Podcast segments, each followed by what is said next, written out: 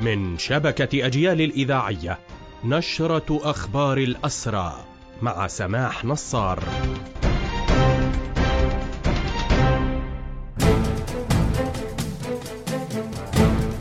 أهلا ومرحبا بكم إلى هذا اللقاء. نشرت هيئة شؤون الأسرى والمحررين في تقرير لها اليوم تفاصيل الاعتقال والتحقيق الذي وصفته بالوحشي الذي تعرضت له الأسيرة فاطمة فضل الشمالي وتبلغ 53 عاما وهي من مدينة الخليل.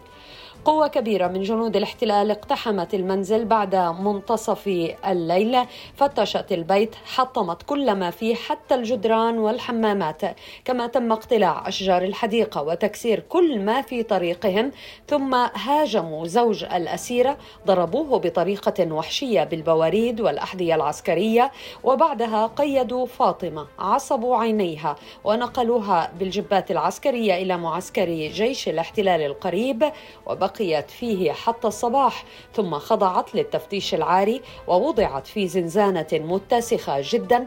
البرد فيها شديد والأكل سيء. بقيت هناك لثلاثة أيام ليتم بعدها نقلها إلى سجن الدامون في سجن الدامون المعاناة تتصاعد على الأسيرات. كل قسم يستخدمه عدد كبير من الأسيرات وتقبع فيه مجموعة كبيرة من الأسيرات بمضاعفة العدد الذي تتسع له الزنزانة الواحدة.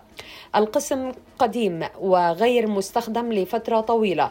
أبوابه تالفة رائحته كريهة لا تدخله الشمس كما أن الرطوبة فيه عالية والبرد فظيع لا يطاق. الفورة للأسيرات وقتها قصير. وقت الحمام أيضا أو الاستحمام قصير جدا.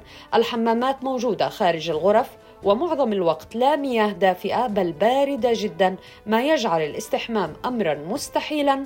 في هذا الطقس البارد جدا. نواصل في أخبار هذه النشرة وحملة الاعتقالات اليومية التي يشنها جيش الاحتلال.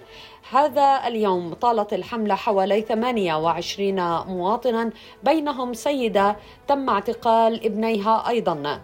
وفي هذا الصدد أشارت هيئة شؤون الأسرى والمحررين ونادي الأسير إلى أن الاعتقالات تركزت في نابلس ورام الله وقلقيلية وتوزعت أيضا على بيت لحم وجنين والقدس المحتلة. قال نادي الأسير إنه وفي ضوء الجريمة التي كشف عنها أمس في بيت لاهيا شمال قطاع غزة بالعثور على جثامين ثلاثين شهيدا داخل إحدى المدارس التي حاصرها الاحتلال. وتبين من خلال مشاهدات من تواجدوا في المكان أن الشهداء كانوا مكبلي ومعصوبي الأعين مكبلي الأيدي ومعصوبي الأعين أي كانوا رهن الاعتقال. وما هذا إلا مؤشر واضح على أن الاحتلال نفذ بحقهم جريمة إعدام ميدانية.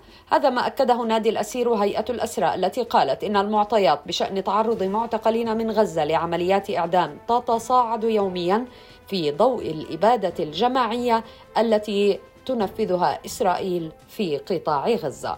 بهذا مستمعينا تنتهي هذه النشرة الخاصة بأخبار الحركة الأسيرة قدمناها لحضراتكم من راديو أجيال.